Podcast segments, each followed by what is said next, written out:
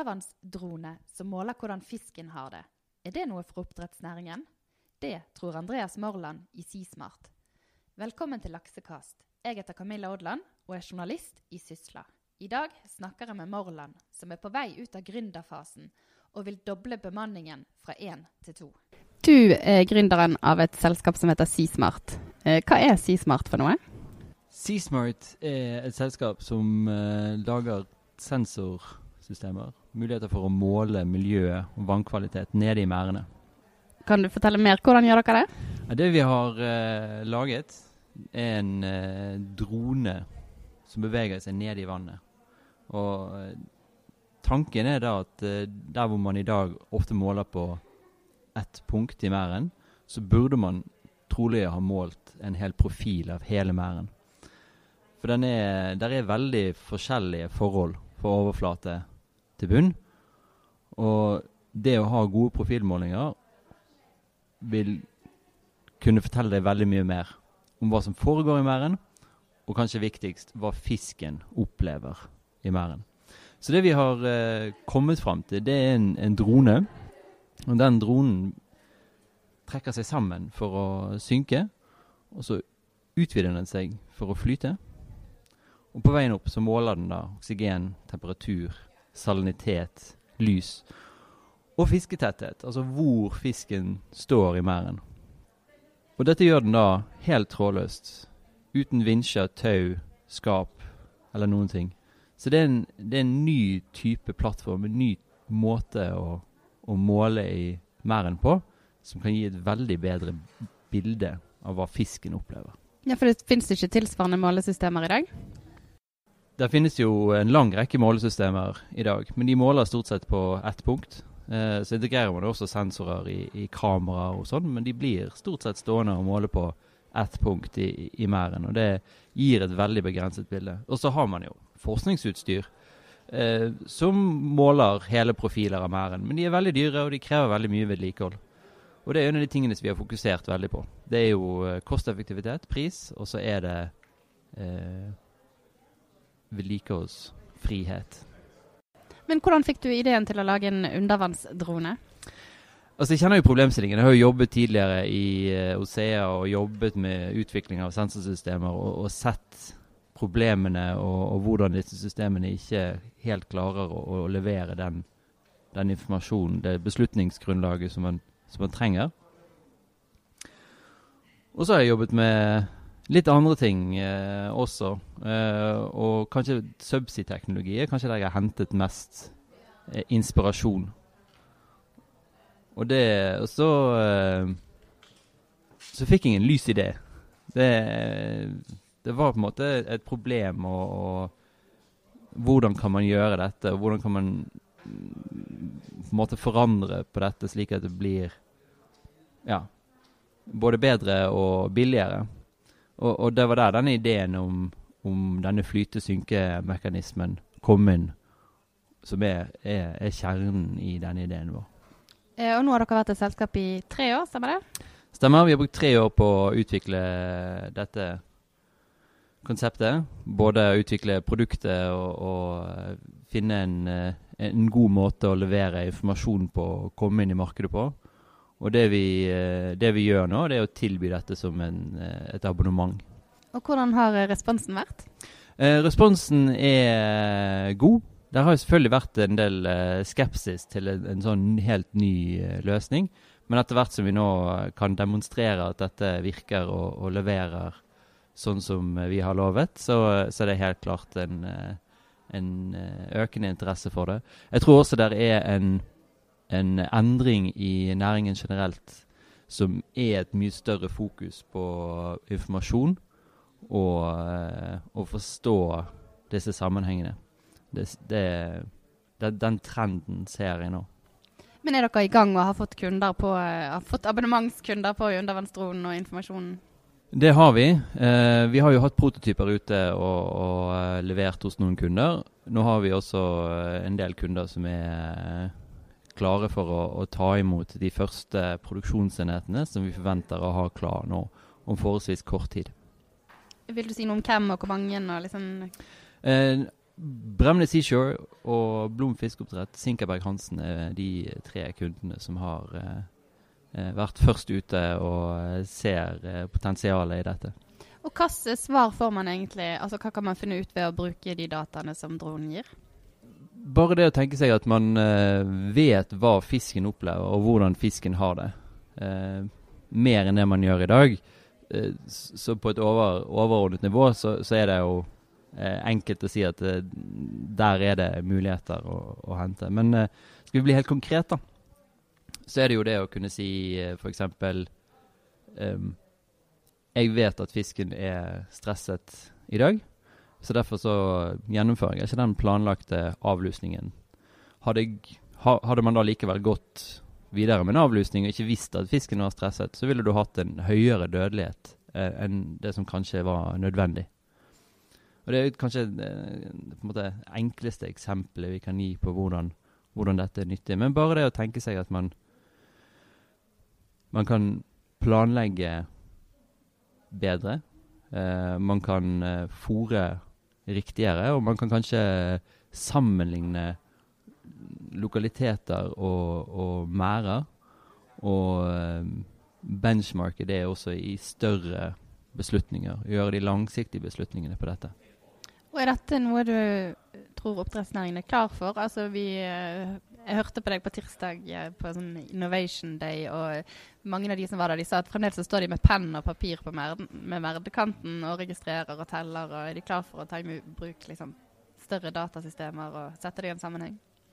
Det er klart. Det er jo uh, også en utfordring. er jo det at Dette skal jo uh, inn i selskapene. og Det skal helt ut i hånden på røkteren, og, og, de skal kunne vurdere den informasjonen. og den den problemstillingen ser vi på. Og vi ser jo det at det er eh, Det å levere informasjonen på rett plass, det er noe som vi eh, jobber med, og som vi er veldig interessert i å, å, få til på en god måte. Og ja Det vi kanskje ser som, som muligheter der, er jo nettopp det å kunne gjøre det sånn at det er ikke nødvendig å tenke på det.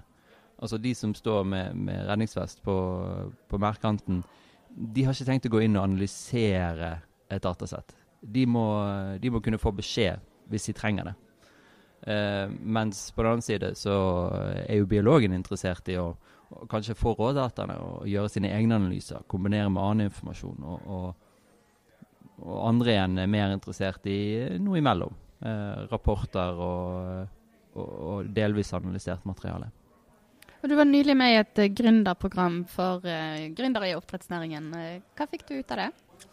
Eh, det var jo først og fremst en, en, mulighet til å kunne sitte ned med representanter fra næringen og få eh, si, ærlig feedback på det produktet og de tankene som vi har både rundt markedsføring og, og på, det, på, den løsningen som vi har.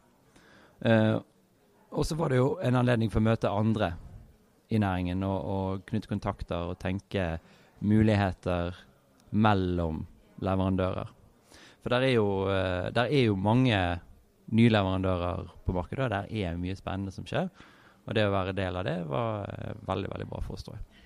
Ja, for dere har jo òg fått uh, en million, eller tilsagn om en million, tror jeg, i sånn uh, presåkornsmidler. Kan du si litt om det, og hva betyr det for dere? Altså, uh, det er jo ikke støtte. Uh, det er jo penger som blir investert. Så det jeg har fått, er en, en, en, en investor gjennom de midlene. så de midlene blir jo ikke tildelt Seasmart, men det er jo BTO som, som da har økt sin eh, post i selskapet gjennom de bildene. Um, og så må jo de matches, så da har vi også hentet inn eh, en million til i, i finansiering i denne runden her. Men Hva betyr det for Sismar? Ja, det, det, betyr jo uh, at vi nå, med å hente inn de pengene har råd til å, å, fortsette med det utviklingsprosjektet som vi er i gang med. Uh, uten så hadde det nok ikke vært mulig å gjennomføre. Og og det som jeg ser i forhold til midler og den ordningen, eh, så har den gjort veldig mye for å gjøre det attraktivt for eh, investorer å komme inn i tidligfaseselskaper. Eh, det har satt det på eh, agendaen. Og det eh, kanskje aller viktigste er at det setter en del eh, tidsfrister. At eh, man ikke kan eh, utsette det. Det skjer nå. Um, for som oppstartsselskap så er jo det det at eh, man har eh, dårlig tid. Men man trenger at ting skjer eh, fort, og det eh, gjør denne ordningen. Og foreløpig er det du som er eneste ansatte i selskapet. Jeg er eneste ansatt i selskapet, det er, men jeg er ikke alene. Og jeg skal ikke på noen måte si at jeg har gjort dette på egen hånd. Eh, jeg har hatt eh, miljøet i Nyskapingsparken og, og BTO. Det har vært veldig viktig. Der har jeg masse kolleger som eh, jeg diskuterer problemer med, eh, spiser lunsj med og eh, ja, får hjelp av. Eh, fått også mye eh, faglig veiledning, eh, spesielt fra BTO.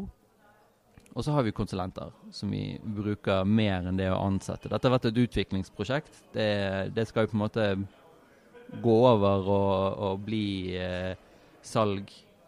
Eh, og ikke Og da er det greit å ha eh, eh, inne konsulenter som jobber i prosjektet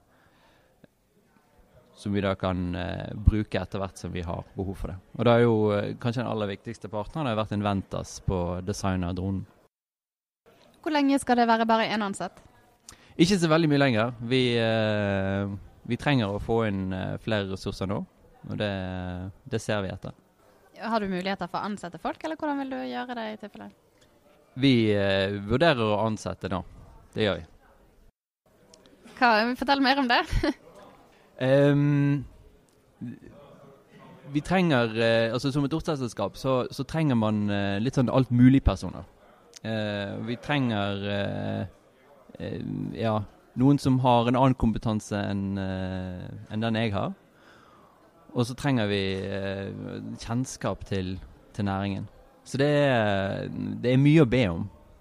Hvor mange ser du for deg å hente inn eh, nå, da? Nei, først én. det Så en dobling Også, av antall ansatte? Ja, det er jo en dobling av antall ansatte. Og så ser vi jo det at det er jo behov for å, å hente en til også. Så det, det har, ligger i planen. Men eh, Men Du sa at dette har vært et utviklingsprosjekt. Har dere fått offentlig støtte underveis, eller hvordan har dere gjort det fra 2014 og frem til nå? Vi har fått uh, støtte fra Innovasjon Norge. Det har vi. Uh, både fase 1 og fase 2. Uh, ja, til sammen tror jeg det er 750 000 vi har fått i eh, støtte fra Innovasjon Norge.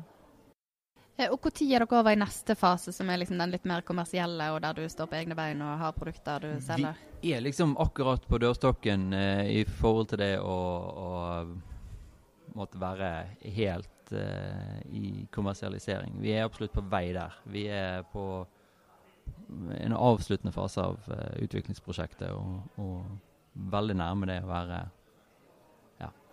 Og Når regner du med at Sysmart eh, tjener penger? eh, på en måte Tjene litt penger gjør vi jo eh, allerede. Eh, tjene, tjene mer penger skal vi gjøre i løpet av året. Og tjene mye penger. Jeg tror ikke det er på en måte tjene, eh, tjene nok penger til å, å eh, drive business. Og det gjør vi nok eh, ja, mot slutten av året. At dere går i pluss i løpet av 2017, tror du? At vi greier å ha en running business som er i pluss i løpet av 2017, ja, det tror jeg. At prosjektet går i pluss i av 2017, det er, kan vi også håpe på.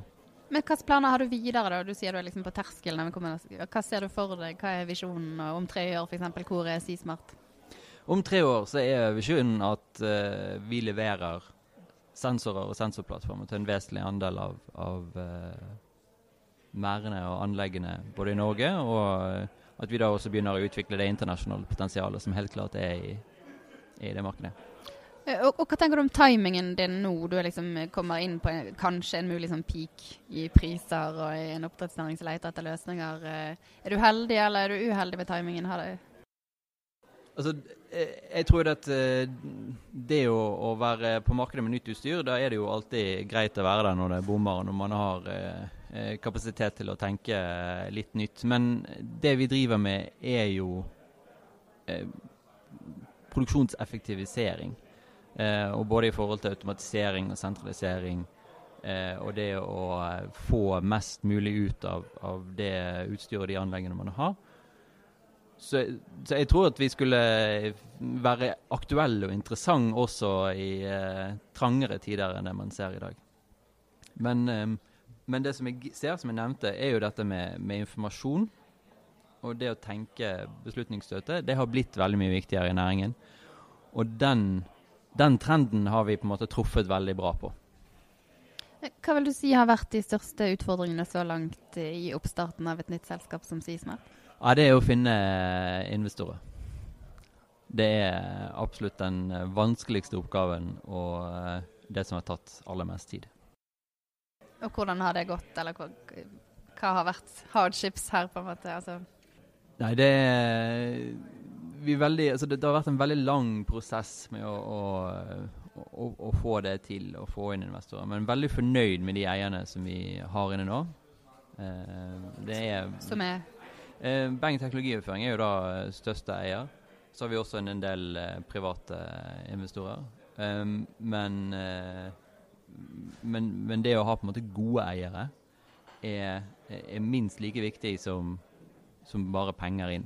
Men det å ha krefter som både skyver og, og, drar, og som kan åpne dører, det er, det er veldig viktig. Så eh, gode eiere og et godt styre, som vi har fått på plass nå, det er veldig veldig viktig. Jeg er veldig fornøyd med hvor den prosessen landet, selv om uh, det tok uh, lengre tid. Har, har i, i, flere runder tatt lengre tid enn uh, jeg absolutt trodde.